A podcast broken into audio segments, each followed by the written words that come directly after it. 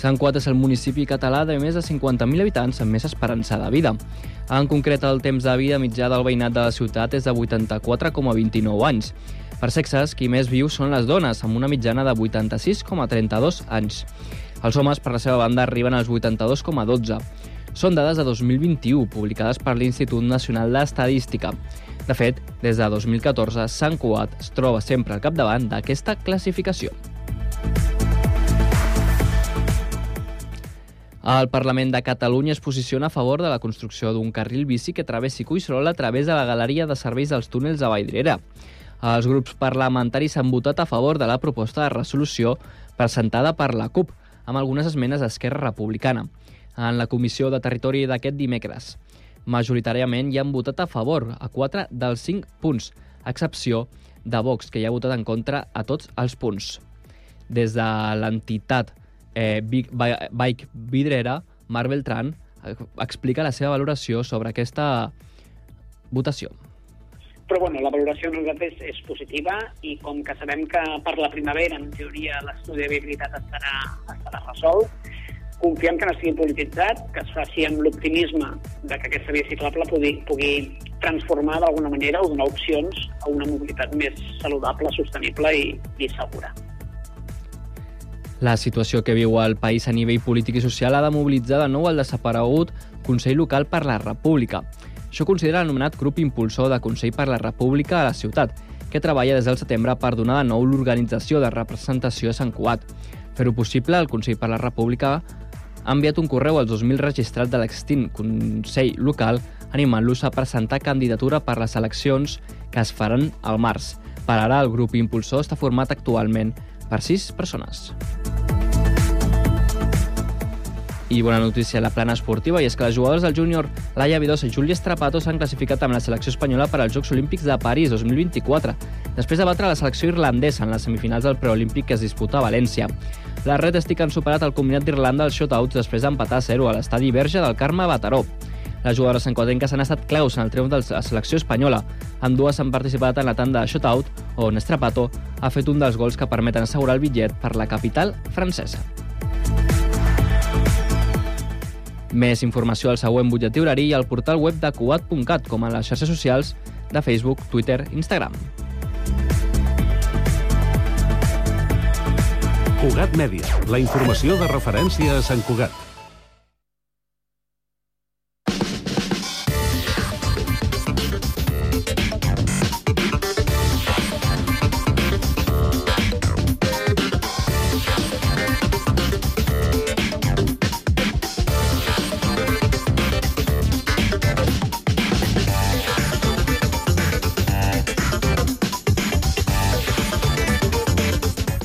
La tarda, 3 minuts, inici de la segona i última hora d'aquest Connectats de dijous. Anem amb la informació de servei i comencem pel trànsit. Eduard Sánchez, bona tarda. Hola, bona tarda. Doncs ara mateix destaquem un parell de punts, de moment, a l'autopista AP7 als dos, d'una banda a l'altura de la Granada del Penedès. Hi ha hagut un accident en sentit uh, sud, sentit Tarragona. De moment es mantenen uns dos quilòmetres de lentitud aturades en aquest punt, en aquest tram de, de l'autopista i en sentit sud. Més avall, l'altre punt, en aquest cas per obres, a l'altura de Tarragona. Hi ha dos carrers tallats, això genera entre 2 i 3 quilòmetres també de retencions intermitents, en aquest cas en sentit nord, en sentit Barcelona. A la resta de trams de la xarxa viària es nota un cert augment de trànsit, punts habituals com és la C-17 a Parets, les dues rondes, en sentit eh, Besòs, o també la C-58, però de moment sense cues remarcables. És tot, bona tarda. Gràcies i bona tarda, Eduard. Anem fins al Transmet. Ja ens espera Àlex Cubells. Bona tarda. Doncs avui dijous seguim parlant de normalitat a la xarxa de transport públic de l'àrea metropolitana, on els principals operadors de transport no han informat de cap incidència, així que tots els serveis funcionen segons els horaris i freqüències de pas planificades. Seguim, però, amb els dos recordatoris principals de Rodalies, i és que la línia R4 estarà tallada entre Sant Vicenç de Calders i Vilafranca del Penedès fins al 16 d'agost. Aquest tall es produirà cada setmana, de dilluns a divendres, a les següents franges horàries, de 8 del matí a 7 del vespre i de dos quarts de 10 a dos quarts d'11 de la nit. S'ha habilitat un servei alternatiu per carretera entre amb dues estacions. I el segon recordatori és per l'R3, que segueix tallada entre Parets del Vallès i el Figaró, efectuant també el servei de manera alternativa per autobús. De moment, això és tot des del Transmet. Us seguirem informant de qualsevol novetat.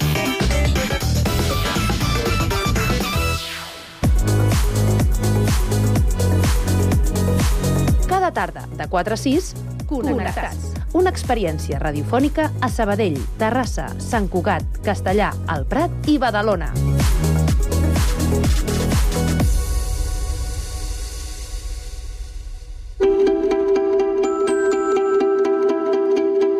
Connecta't al patrimoni.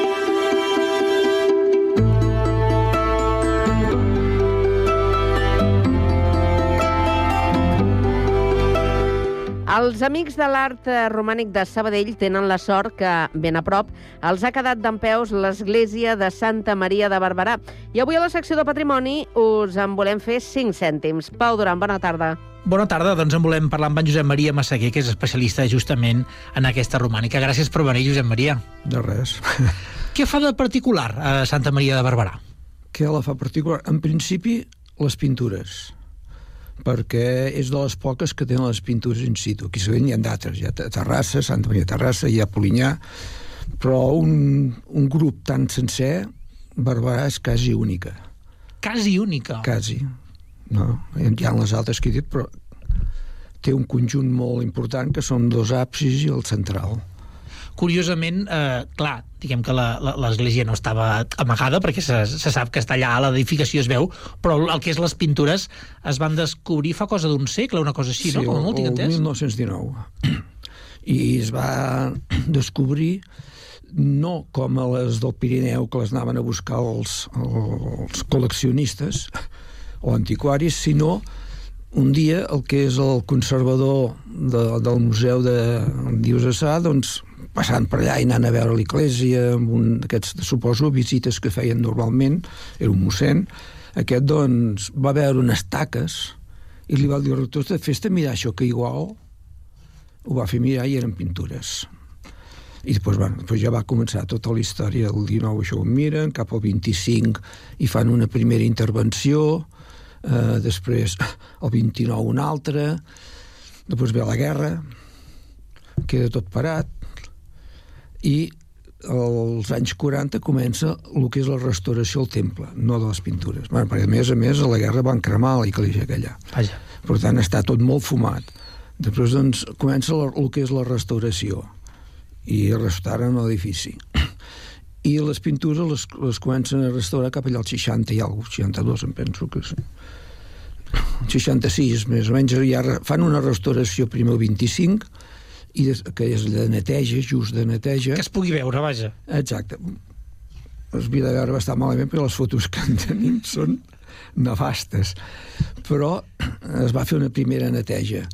El 36 es fumen i després, doncs, clar, la Iglesia també va sempre amb pocs recursos. Clar. I inclús, doncs, el, el, aquests anys 40 van aconseguir Bé, perquè això una mica el, el capellà allà necessitava diners per arreglar teulades i no en tenia. I després el que fa és, és parla amb els de la Junta de Museus de Barcelona perquè facin com han fet amb les altres pintures. Passa la Junta, parla amb la Junta de Museus d'aquí Sabadell i els d'aquí Sabadell doncs diuen, bueno, perquè els diuen, escolta, i millor que es quedi el lloc ja perquè ja som el 40, ja no som els 29, els, l'època es van treure les de, les del Pirineu. I després, doncs, bueno, els de Sabadell, el museu, Bosch i Cardec, d'aquests comencen a fer moviment per aconseguir diners, arreglar taulades bueno, i poder restaurar les pintures. I què es veuen aquestes pintures, Josep Maria? Bueno, es veuen com és molt normal en aquest cas és Santa Maria. Santa Maria en principi sembla que hauria de ser eh, centralitzada per, per la Mare Déu, per Santa Maria. Però, com que la Mare Déu sempre, en les pintures romàniques, es, està com a segon lloc. Quan, es, quan hi ha una, unes pintures o un, un absis amb pintures amb, que el que presideix la, la titular de l'absis és una, una Mare Déu, generalment el que es fa és la, el cicle del, de la, del naixement, no? de la... i després, bàsicament, la vida de Crist eh, des de que neix fins, fins que mor, representa. Això ho és a Taüll, ho és als altres llocs on és Polinyà, per exemple, que el tenim aquí, tot i sent ella, doncs ella ho és com a segon lloc. Per tant, aquí veiem primer tot el que és el, el cicle de nativitat, fins al naixement, a la visita a la Mare de Déu. També hi ha una que quasi no es veu, que és l'Anunciació de Maria, el clàssic al naixement, el, i la- l'Anunciació de Pastors. A sota hi ha el que seria l'Epifania, els reis, que eh, van, eh, per fer la visita, primer passen a veure l'Herodes, el rei, i després hi ha això, i després l'altre pas que ha és una que no és molt usual, aquí, almenys aquí a Catalunya, que és el, el, el, rent, el rentat del, del nen. O sigui que hi ha unes llevadores que renten el nen. I després ha el que és l'entrada a Jerusalem, que no és ben bé nativitat, però té- sí que està dintre la vida de Crist. És interessant perquè inclús aquest, naix, aquest naixement eh, és com... De fet, a l'època tots eren així, eh? Vull dir que eh, la Mare de Déu és tipus que en diuen Vicentí, que la Mare de Déu està estirada al llit, el nen Jesús està en una altra banda guardat pels dos animals que el, el bou i la, i la mula i Sant Josep està per allà pensatiu sense ningú saber què, es diu de tot, però sense ningú saber exactament què hi fa, però el ten, es centralitza amb ella estirada. En el de sota, en el registre, sota, això són diversos registres que hi ha, eh? en el registre de sota hi ha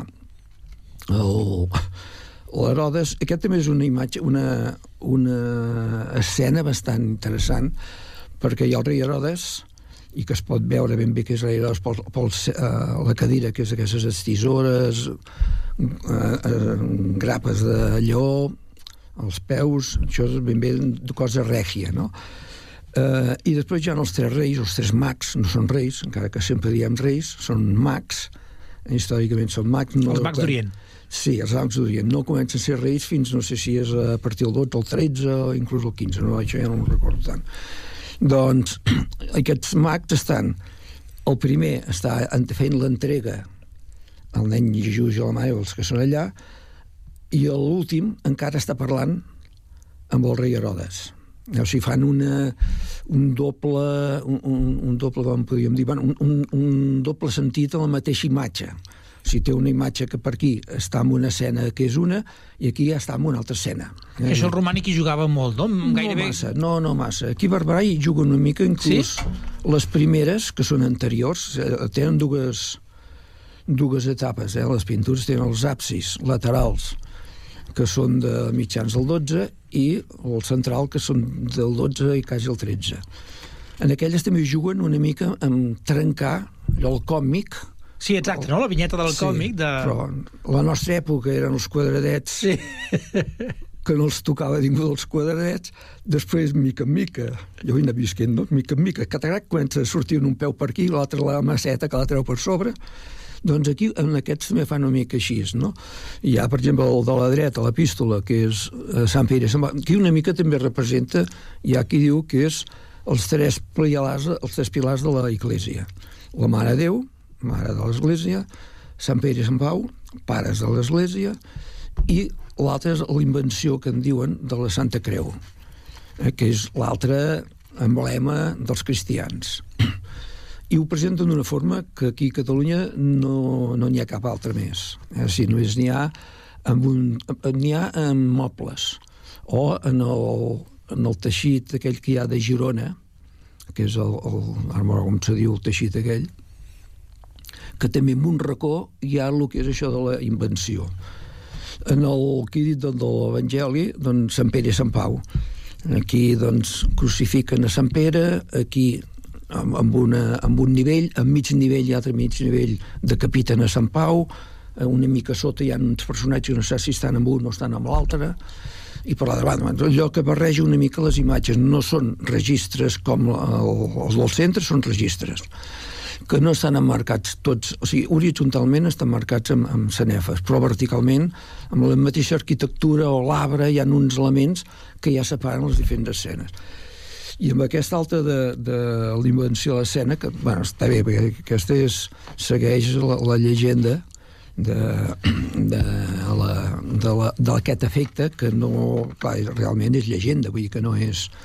No és veritat, doncs, que la, la reina, que és la reina Helena, que és la, la mare del, del Constantí, que en el fons és el que, el que quasi legalitza el cristianisme, o com a mi em fa una gran promoció, doncs ella, la, la Santa Helena que es diu, doncs el que fa és, és s'interessa perquè com que és un gran emblema per la cristiandat, doncs a buscar-la.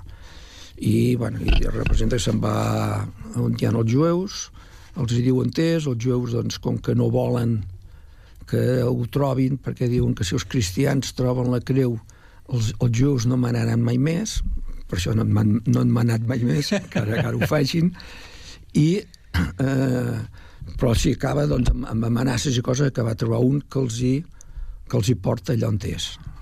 Eh, hem parlat de les pintures. No voldria, per això, deixar de parlar també una mica del que és l'estructura de l'església. Sí, de l'església. Que aquest seria el meu tema, bàsicament. Vinga. No?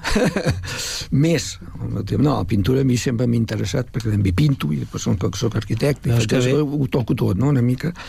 Doncs sí, l'arquitectura és una església també que està molt bé, n'hi ha, aquestes ja n'hi ha més, potser no aquí al Vallès, però és una església que jo la defineixo com a tau, la defineixo com a creu llatina. Jo la defineixo com una tau, perquè el braç a sobre no hi és. Eh, hi ha la, el braç vertical, els dos laterals, i el transepte tampoc no és un transepte com, com entenem, que un transepte és, és dues naus que es, que es creuen, i aquí és una nau i unes que s'hi enganxen al costat a part d'això, és una església doncs, que eh, sembla, per les, pels detalls que té, que sempre havia estat aïllada. Les esglésies romàniques es comencen aïllades, però ja molt ràpidament es van edificant. Una mica és per la qüestió de, de la... Quan es consagra, també una de les coses que fa el bisbe és donar la sagrera, 30 passes a l'entorn de, de l'església, com a lloc sant. I lloc que si algú hi entra amb armes queda... Eh, fora de l'Eglésia, no? Es consagra cap al 1116, així, no? Sí, 1116... Hi ha una consagració, marquen sempre una 1116 i una 1137. D'acord. Eh, dues consagracions.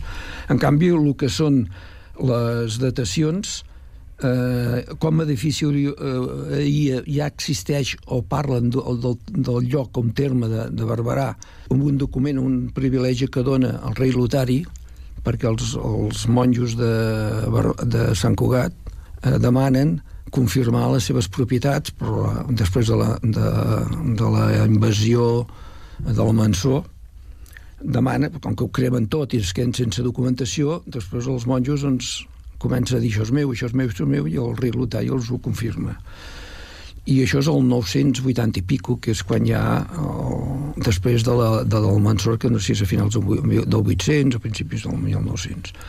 Després, en el 1060 i 1074 hi ha donacions a l'església, per tant, es considera que va ser edificada una mica això eh, confirma o va ben relacionat amb l'edifici. Eh, l'església és una església llombarda i, i això doncs, ens ve, el llombard és un estil que entra a Catalunya a partir de mitjans del segle XI fins eh, a finals, potser algú del XII. I aquestes, eh, les dades aquestes de, de donació és el 1067 i el 1074, o sigui que ens eh, sabem molt bé amb la nostra amb aquesta datació. El que passa que això no treu que prèviament hi hagi hagut alguna cosa Clar, que hi hagués alguna cosa allà. Sí. Uh, següent oportunitat de fer una visiteta a Santa Maria de Barberà. Bueno, uh, bueno aquest diumenge, en fem, aquest dissabte, en fem una. El que passa la fem com a amics del romànic i es fa un autocar i s'hi va. Allà, clar, estarà obert i suposo que si entra algú també hi pot entrar, però en principi és, és pels amics del romànic. Josep Maria Massaguer, moltes gràcies per il·lustrar-nos sobre aquesta Santa Maria de Barberà, l'església romànica. De res.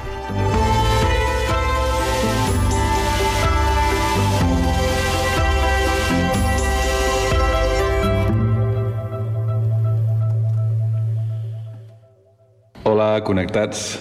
Soc el Roger Conesa i avui us vull recomanar el meu nou disc, Endreça.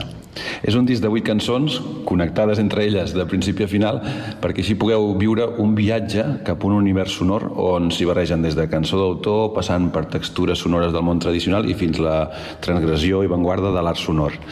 Així que, aixoplugant les cançons, hi podeu trobar des d'una viola de roda, o una coreografia de dansa espanyola fent de percussió, o fins i tot el so d'una escultura de pedra de land art que fa melodies.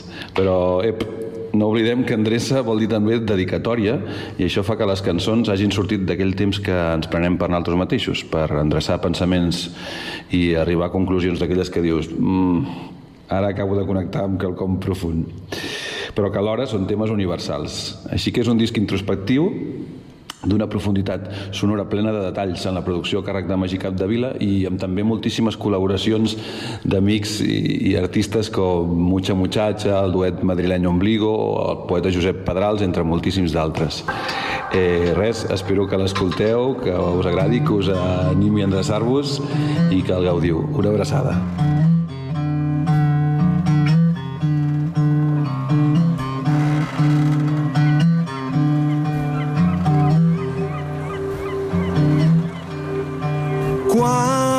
Blanc dibuixa clar que ho has deixat tot enrere i res al davant.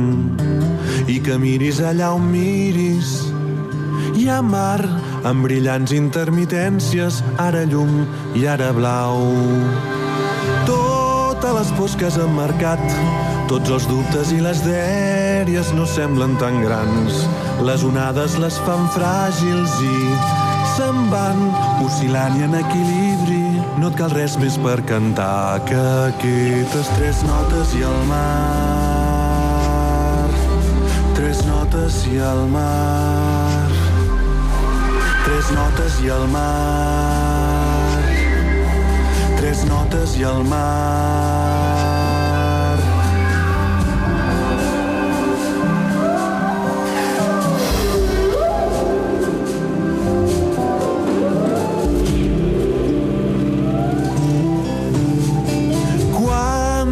Tanta immensitat et sents insignificant, una mera anècdota enmig de la humanitat. Però què t'havies pensat?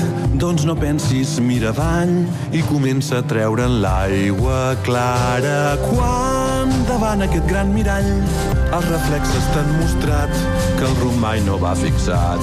Entens que navegar vol dir aprendre a deixar anar, no amarrar-se i amollar. No cal res més per cantar que aquestes tres notes i el mar. Tres notes i el mar. Tres notes i el mar. Tres notes i el mar que et faran surar. Tres notes i el mar. Tres notes i el mar. Tres notes i el mar. Tres notes i el mar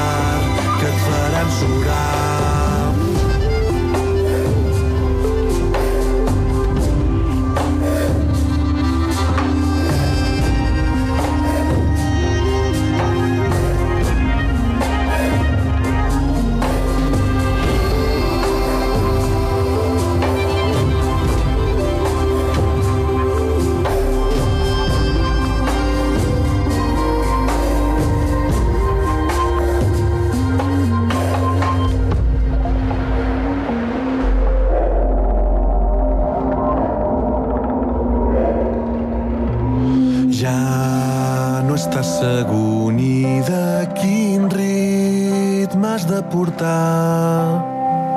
El mar et dirà tothom porta el seu timó i ningú té el control. Quan ets sota el mar has de confiar i de tant en tant sortir a respirar. Ja no marejo i sé que em mereixo això sense direcció. No em cal saber què hi ha després de l'horitzó. quan ets sota el mar has de confiar, només cal durar i sortir a respirar.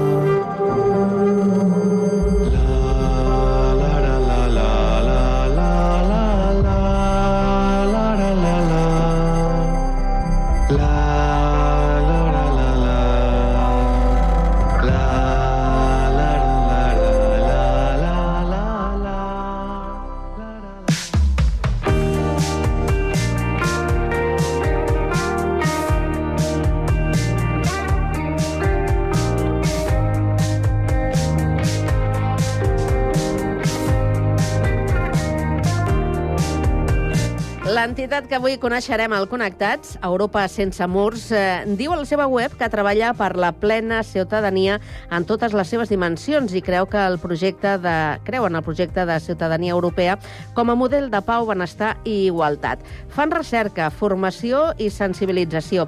I avui coneixerem precisament Europa sense murs, una mica més a fons. Ho farem de la mà de la seva directora i coordinadora, en Gavi Poblet, que és antropòloga social especialitzada en migracions internacionals. Gavi, bona tarda. Bona tarda. Com estàs?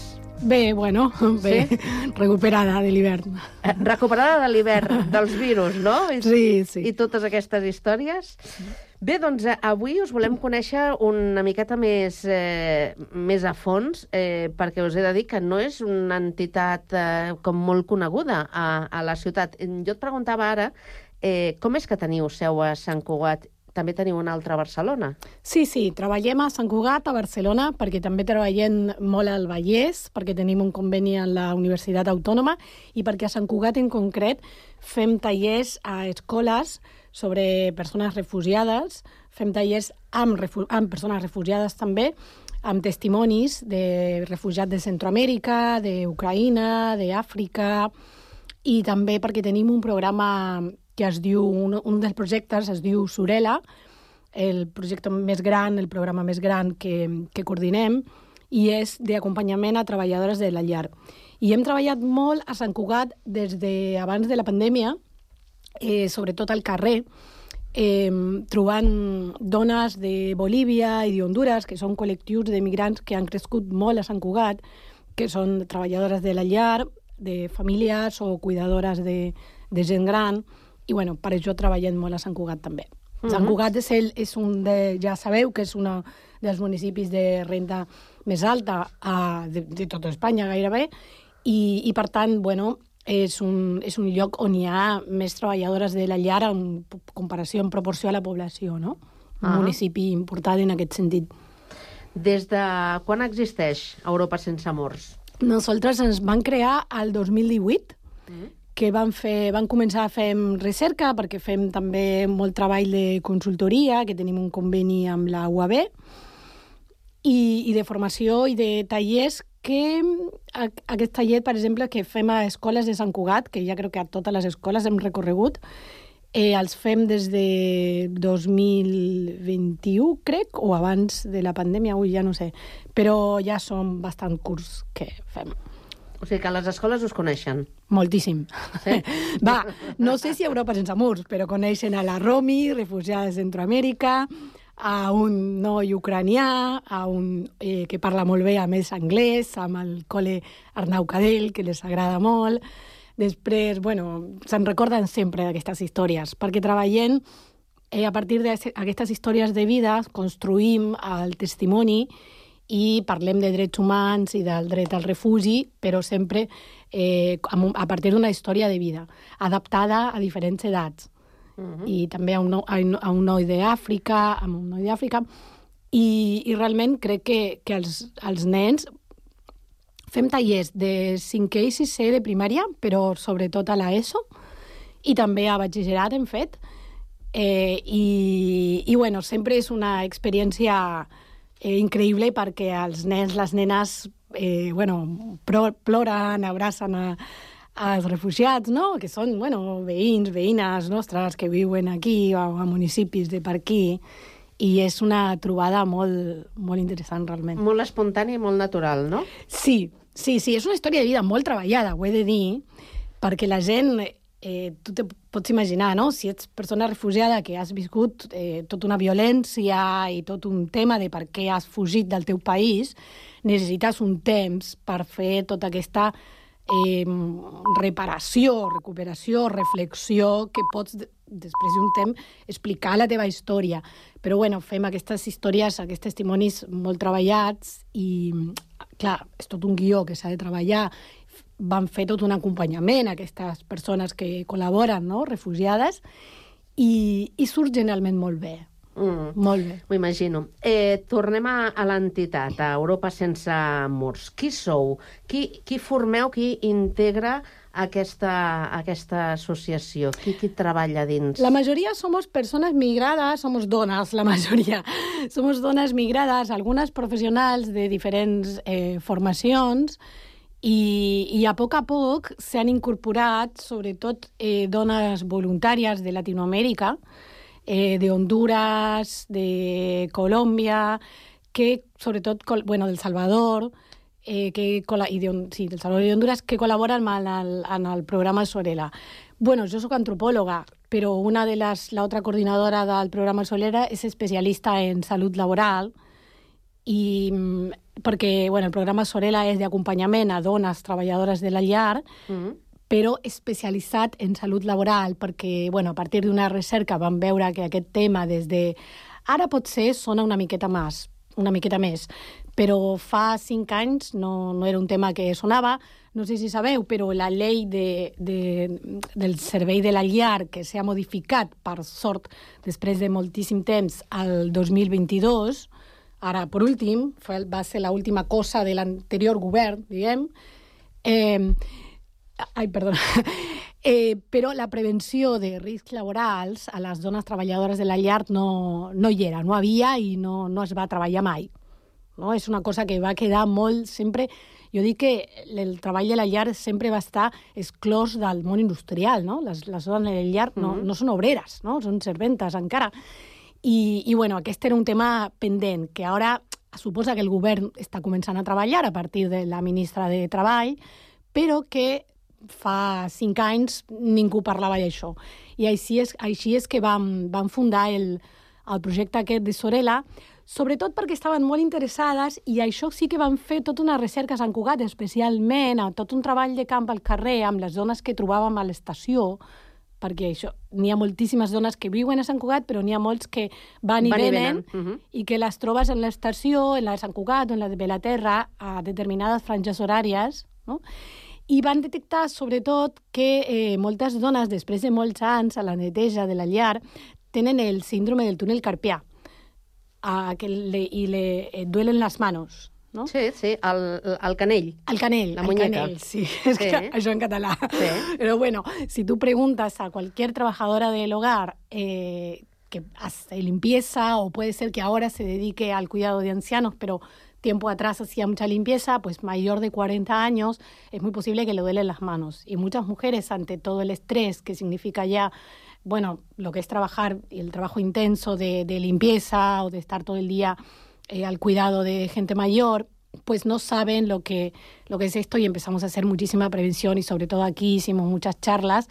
Y lo que más nos ha funcionado es mucho trabajo de calle, que te decía que hacíamos uh -huh. en la estación, porque muchas no tienen tiempo de venir a talleres, pero ya eh, hablando por la calle, en parques o en la, en la estación, por ejemplo, pues hemos hecho muchísimo trabajo y de ahí que incorporamos muchas colaboradoras y voluntarias de, de San Cugat al programa Sorela y de ahí que aterrizamos luego eh, quanta, quanta, quanta gent, quan jo et preguntava abans eh, eh, qui sou, quanta gent formeu part d'Europa de, sense murs, quantes dones sou ara? Treba, mm. Treballant en, en aquests projectes de... Somos en, en entre, de... entre 10 y 15 si contamos las voluntarias, por ejemplo. Mm entre, más o menos entre, sí, sí, sí, entre técnicos, colaboradores, voluntarias, etc. Uh -huh. Sobretot per al programa Sorela. Principalment. Sí, per, principalment per al programa Sorela, que som a, a, a prop de 10, perquè són en aquest moment 7 voluntàries, dos dones de pràctiques, i, bueno... Quan va un... començar el projecte Sorela a Sant Cugat? A, al, a Sant Cugat abans de la pandèmia.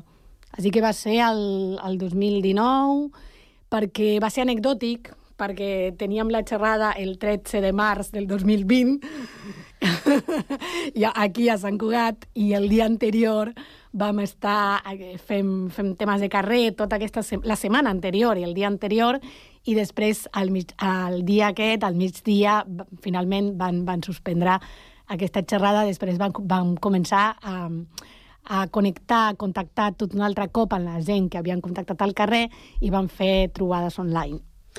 Eh, o sigui que heu passat el pitjor moment de la vostra història, igual que moltes altres entitats, negocis, persones bueno, que, que han ver... decidit a, emprendre doncs, mm, projectes, idees... Bueno, no? no sé si va ser el pitjor moment. No? No, perquè vam optimitzar molt el tema online i va fer una oportunitat també de descobrir que moltíssima gent, tot això de la bretxa digital, i també a partir del programa Sorella van començar a fer formacions, primer online, després a medida que, que podíem, podíem fer trobades presencials, vam començar a fer trobades a tipus pícnics, en parques, i vam fer també a, casa, a Sant Cugat, i això va ser molt interessant perquè vam, eh, van retrobar dones de, de, que estaven, bueno, tancades, no? Però va ser interessant perquè, bueno, van promoure tota una altra línia de treball que era tallers de tecnologia. Fíjate una cosa, para las trabajadoras del hogar ya estaban confinadas. El confinamiento siempre ha sido, porque lo que más nos mm. preocupaba eran las trabajadoras internas. Y antes del confinamiento, pues ya vivíamos esta situación de confinamiento. Solo las encontrábamos en, en los medios de transporte y muchas no tienen tiempo, por ejemplo, de ir a talleres o actividades, de acceder a información, de fomentar más el capital social, relaciones, redes, contactos. Y, y bueno, al final el confinamiento pues ha hecho que se hagan muchas cosas online y las trabajadoras internas accedieron a partir de a partir de, de, de talleres online, por ejemplo, que antes no se hacían. Mm -hmm. Mm. I escolta'm una cosa, treballeu en, en, en, la, en xarxa. Perdó, la crisis és una oportunitat a veces. Para... Ja. treballeu en xarxa amb entitats, associacions, eh, ajuntaments? Sí, moltíssim. Digue'm quins, per exemple. Bueno, nosaltres formem part aquí de la xarxa solidària de Sant Cugat i sempre que puguem col·laborem aquí a activitats, sobretot relacionats a cooperació o a refugiats. Eh, vam, vam, generalment vam, vam participar aquí també a, bueno, a la Setmana de la Dona van fer coses del programa Sorela i també al Dia del Refugiat o Dia dels Drets Humans al desembre, van fer diferents activitats. Després a Barcelona nosaltres participem en la xarxa del treball de la llar Just, que és una xarxa a tot el nivell de l'àrea metropolitana, també n'hi ha, ha entitats de Rubí, de Santa Coloma, de Badalona, eh, de Viladecans, o sigui, n'hi ha, ha, ha entitats en general que, que participen per eh, una de las cosas importantes que FEM es la tabla de salarial. A ver, el servicio del hogar no tiene convenio colectivo. Este también es otro de los temas, ¿no? No es todos, no, no todo se basa en lo que muchas veces dicen. El problema es que son irregulares. No, no es solo eso. Hay muchísimos, muchísimos temas. Entonces, uno es que no tienen convenio colectivo. Entonces, por ejemplo, el tema del salario mínimo o, o que, cómo se paga la hora, todas cosas que no quedan del todo reguladas o, por ejemplo, cuánto se paga el trabajo interno. Y promovemos una, una tabla de salarios que es interesante que la gente lo mire, sobre todo en San Cugat, que hay muchísimas familias contratantes, eh, que se miren, por ejemplo, esta tabla de salarios, que es, bueno, cuánto tengo que pagar la interna. en la web de uh, la Xarxa del Treball de la Llar Just, per exemple, y nosotros creo que no lo tenemos actualizado en la web, pero puede ser que en el programa de Sorela, en, en, la, en el apartado de nuestra web del programa Sorela, lo, también lo podríamos colgar. Pues nosotros tenemos habilitado un canal, ahora manejamos mucho por canal de WhatsApp o canal de Telegram. Gavi, estem acabant molt ràpidament. Sí. Teniu algun altre Imagino. projecte, a part del que hem estat comentant fins ara? Alguna cosa al, en ment? Que... Eh, aquest any, el 2024, tenim, tenim en ment a, sobretot, eh, potenciar, continuar potenciant el que és el programa Sorela i fem tallers, que tenim també el plan de fer uns tallers a Sant Cugat, sobre lo que es eh, denuncia segura, sobre la problemática de la y que también tiene que ver con derechos humanos y con la Xarxa Solidaria que colaboramos aquí en San Cugat, ¿no? que es eh, informar y formar a la gente en situación irregular que puede igualmente denunciar, ¿no? Ex ante, por ejemplo, violencia de género, explotación laboral o determinados delitos con los que se encuentre, porque siempre está el miedo a expulsar o a, bueno, que a ver, tiene una base real, pero no, no, no, es tan así tampoco, sino que, por ejemplo, sí, víctimas de violencia de género, víctimas de trata, víctimas de explotación laboral están protegides en este, en este, en este sentido i bueno, hacemos Ho hem de inserció. Aquí. Ho hem de Sí. deixar, Gavi. Eh, agraïm moltíssim Gràcies. que hagis vingut al Connectats a explicar-nos tota la tasca que, que feu, que, que no és poca. I bé, doncs, eh, si algú vol, es pot posar en contacte amb vosaltres a través de la vostra pàgina web. Sí, sí, y el programa Sorela también tenemos un Europa teléfono, murs. Mhm. que hay un canal de WhatsApp y de Telegram. Eh, Gavi, gràcies. Bona Gràcies tarda. a vosaltres. Adeu. Bona tarda.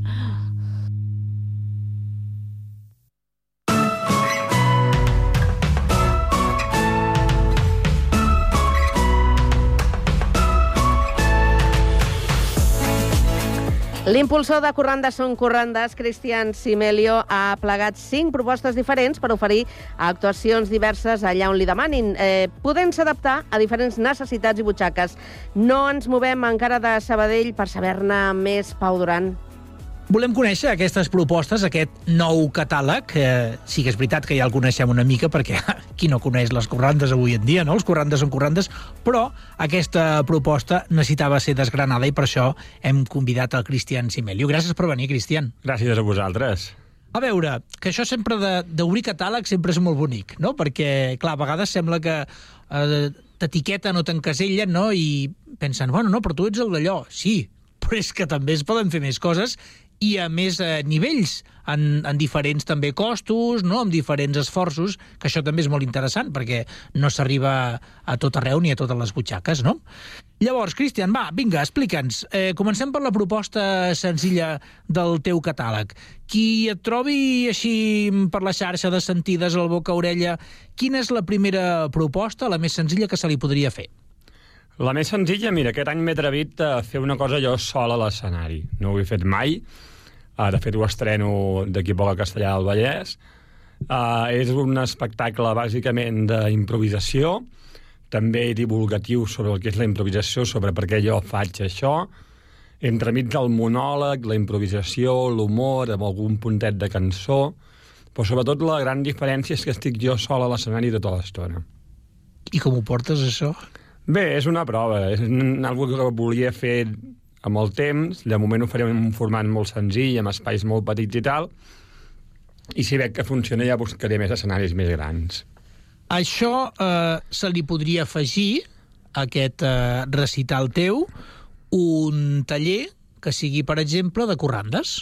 Exacte, sempre ho ofereixo, tant des del taller simple fins a taller a la tarda i concert al vespre, perquè la gent pugui tastar quatre tècniques de com fer això que sembla impossible d'improvisar, doncs Ho sembla, ho sembla.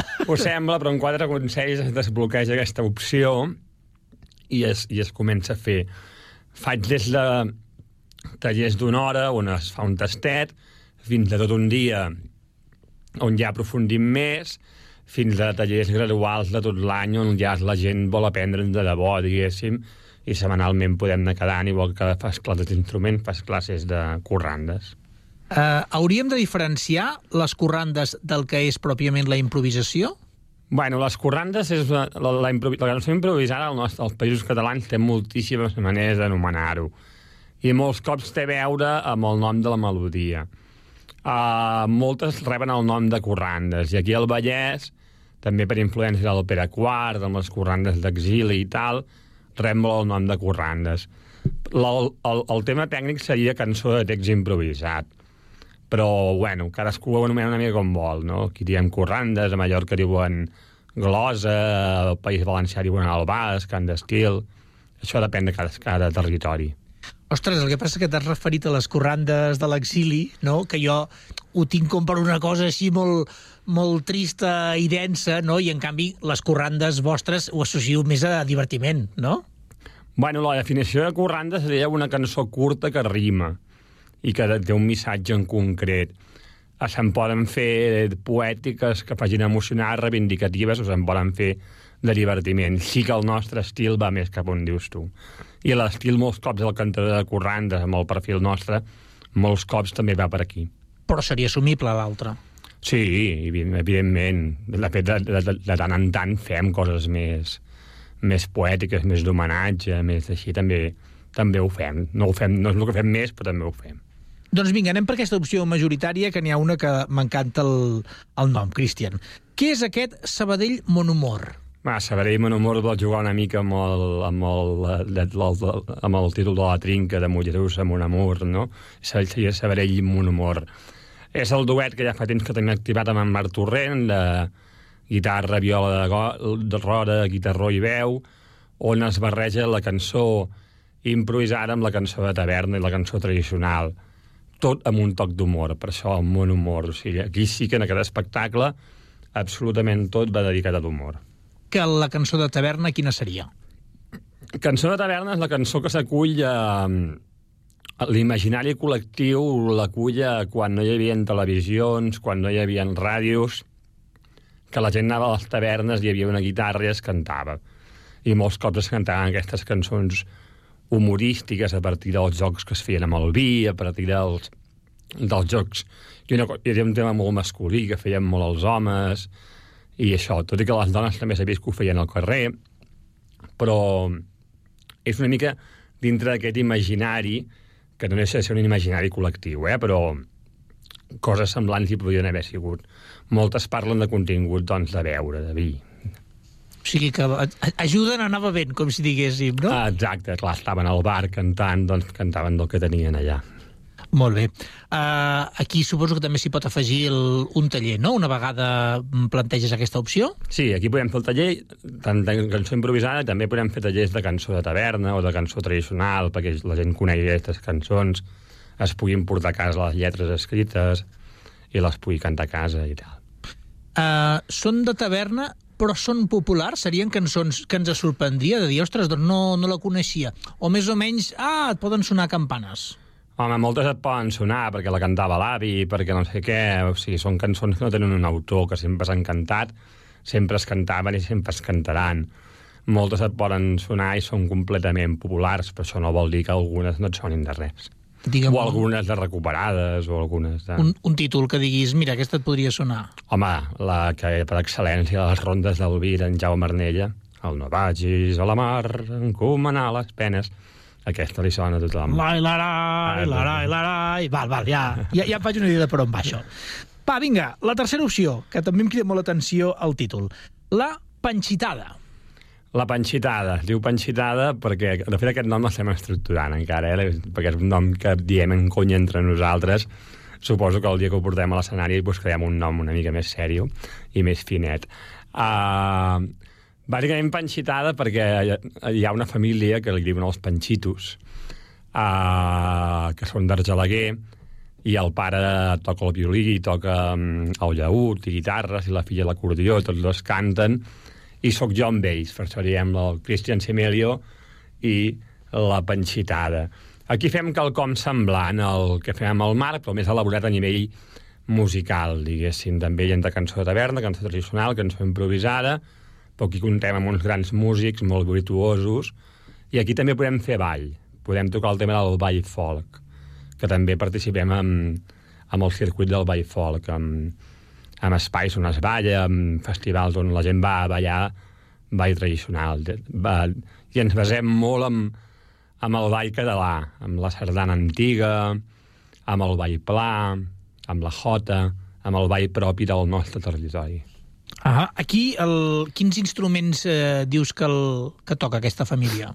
Doncs pues mira, en aquest espectacle en toquen molts. En aquest espectacle hi ha el llaüt, hi ha violí, hi ha acordió diatònic i jo amb el guitarró i les veus.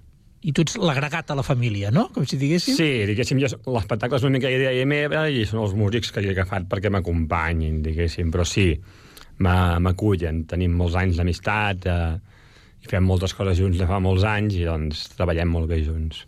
Molt bé. I aquí també hi podem afegir eh, alguns altres eh, tallers que he vist, no?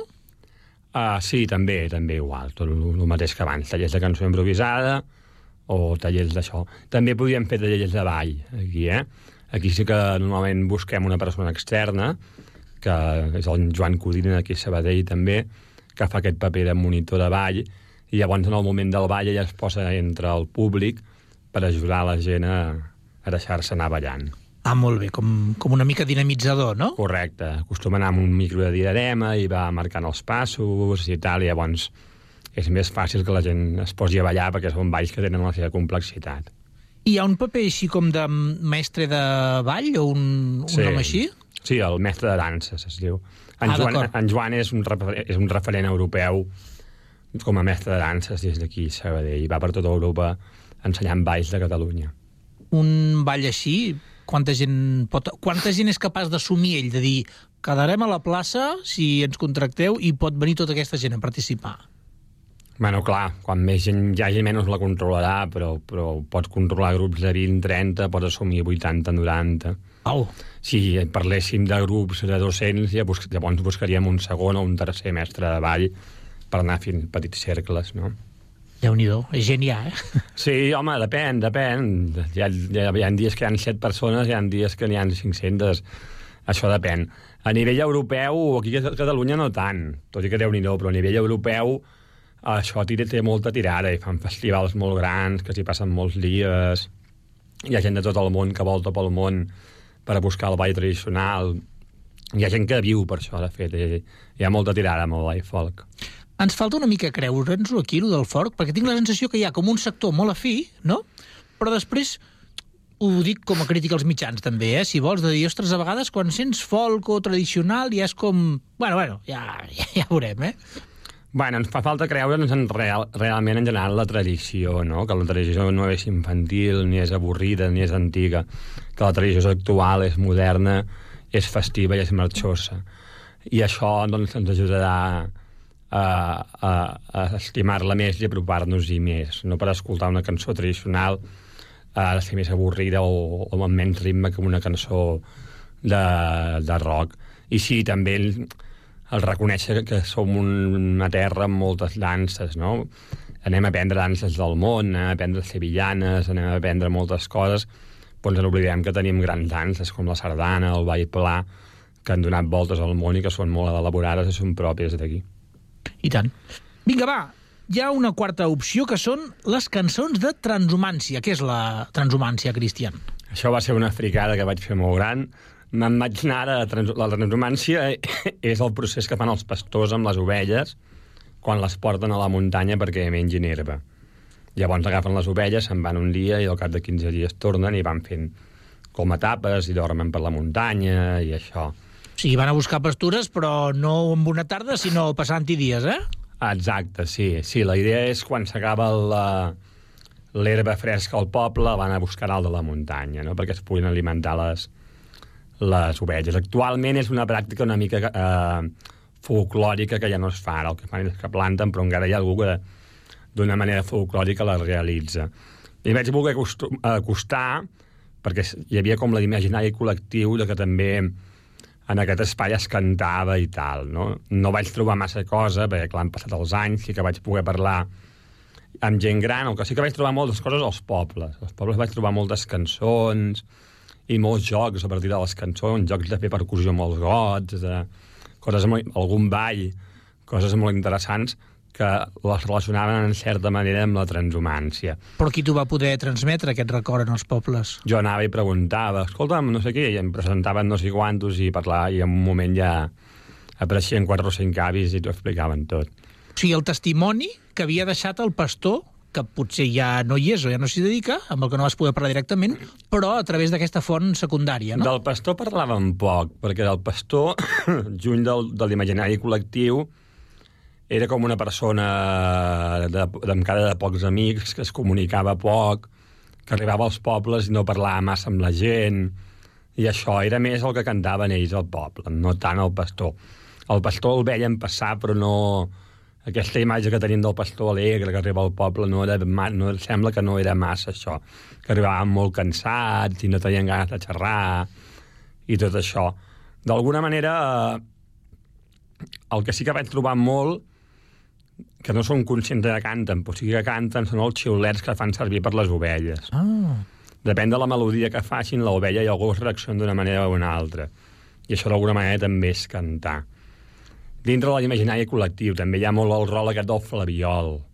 El pastor aquest que jo, jo he conegut és un pastor jove vol tocar el flaviol perquè amb ell li han dit que els pastors tocaven el flaviol, però també és un folclorisme. Hi ha pastors que tocaven el flaviol, pastors que no tocaven res, o pastors que no...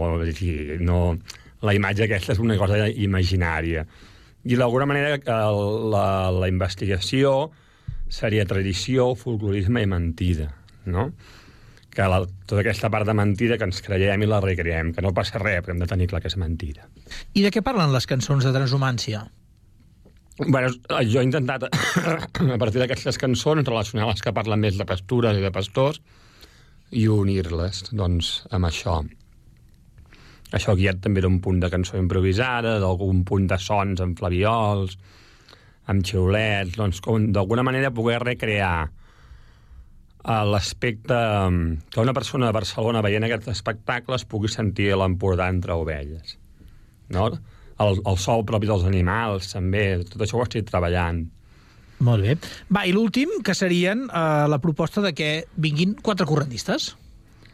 Uh, sí, això, aquesta proposta, doncs, doncs sempre la tenim per si algú vol crear realment una tarda de corrandes d'improvisació, jo busco altres com jo i, i venim tots i llavors normalment posem una cinquena persona o que, que ens posi unes proves i al moment improvisem, això també, aquesta opció també hi és.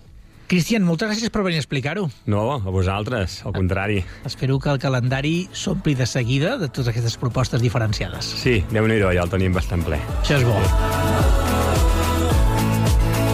Fins aquí, fins aquí i fins aquí ha arribat aquest Connectats de dijous. Demà més, l'última edició d'aquesta setmana serà a partir de les 4 i 3 minuts. Fins aleshores, acabeu de passar molt bona tarda.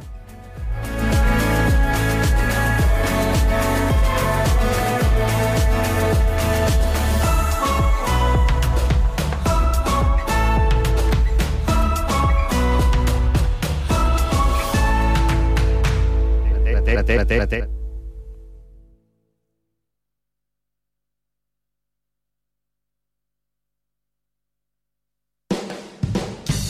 El sabor autèntic i natural, amb garantia d'origen, el trobaràs a Carnisseria Sagarra. Des de 1960 treballem per portar els millors productes a la teva taula. Carns i aus de primera qualitat amb totes les garanties sanitàries. Carnisseria Sagarra. Qualitat, servei i professionalitat en carns, plats preparats i amb tots els nostres productes. Som al carrer Francesc Moragas 13 i en Davallada 22 de Sant Cugat del Vallès. Ara també pots fer la teva compra online a www.cesagarra.com.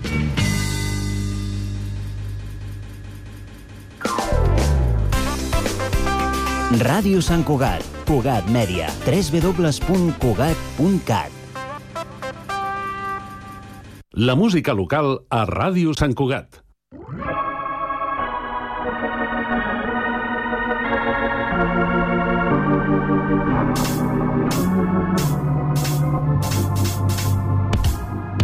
M'agraden les coses senzilles com ficar-me els dits a la boca i xiular fort. Que giri tothom que estava al lloc, fins i tot la mala sort. No hi ha dia que passi de mi, la molt puta, sempre de tort. D'acord, no tinc paciència ni modèstia al cor. Són com les zones, l'oblit i el record. Amant i venint pel port, et trobo faltar mixeta. Crec que últimament he perdut una mica el nord. Miro els vaixells perdent-se en l'horitzó. Estic pensant a fer el farcell, pirar-me tocant dos. Això és un desgavell, la nit no té timó. Si tan sols tingués estrella que em marqués de direcció, jo la seguiria desbocat sobre les ones. Res m'aturaria, prendre pena al curro. La ciutat no em dóna treva i estic fins a la polla. Només vull fer la meva, no penso baixar del burro. Acròbata, ah, jo vull ser. La nit va donant voltes i tu et trobes al carrer. Jo, què passaria si només volgués saltar? Ah, uns corraons amb el cel i amb la gravetat. Ah, ah, ah, acròbata enfilat damunt amb begut de la llum. Sí, que toquin un trapezi està decidit. La nit és un incendi que jo porto dins del pit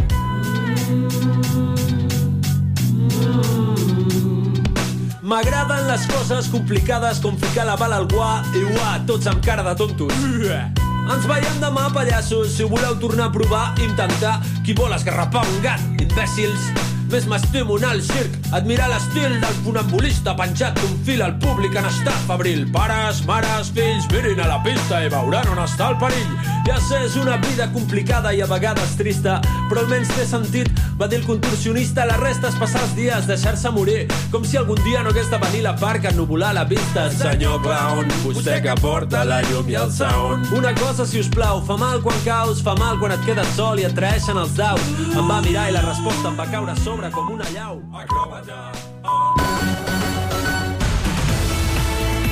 Ràdio Sant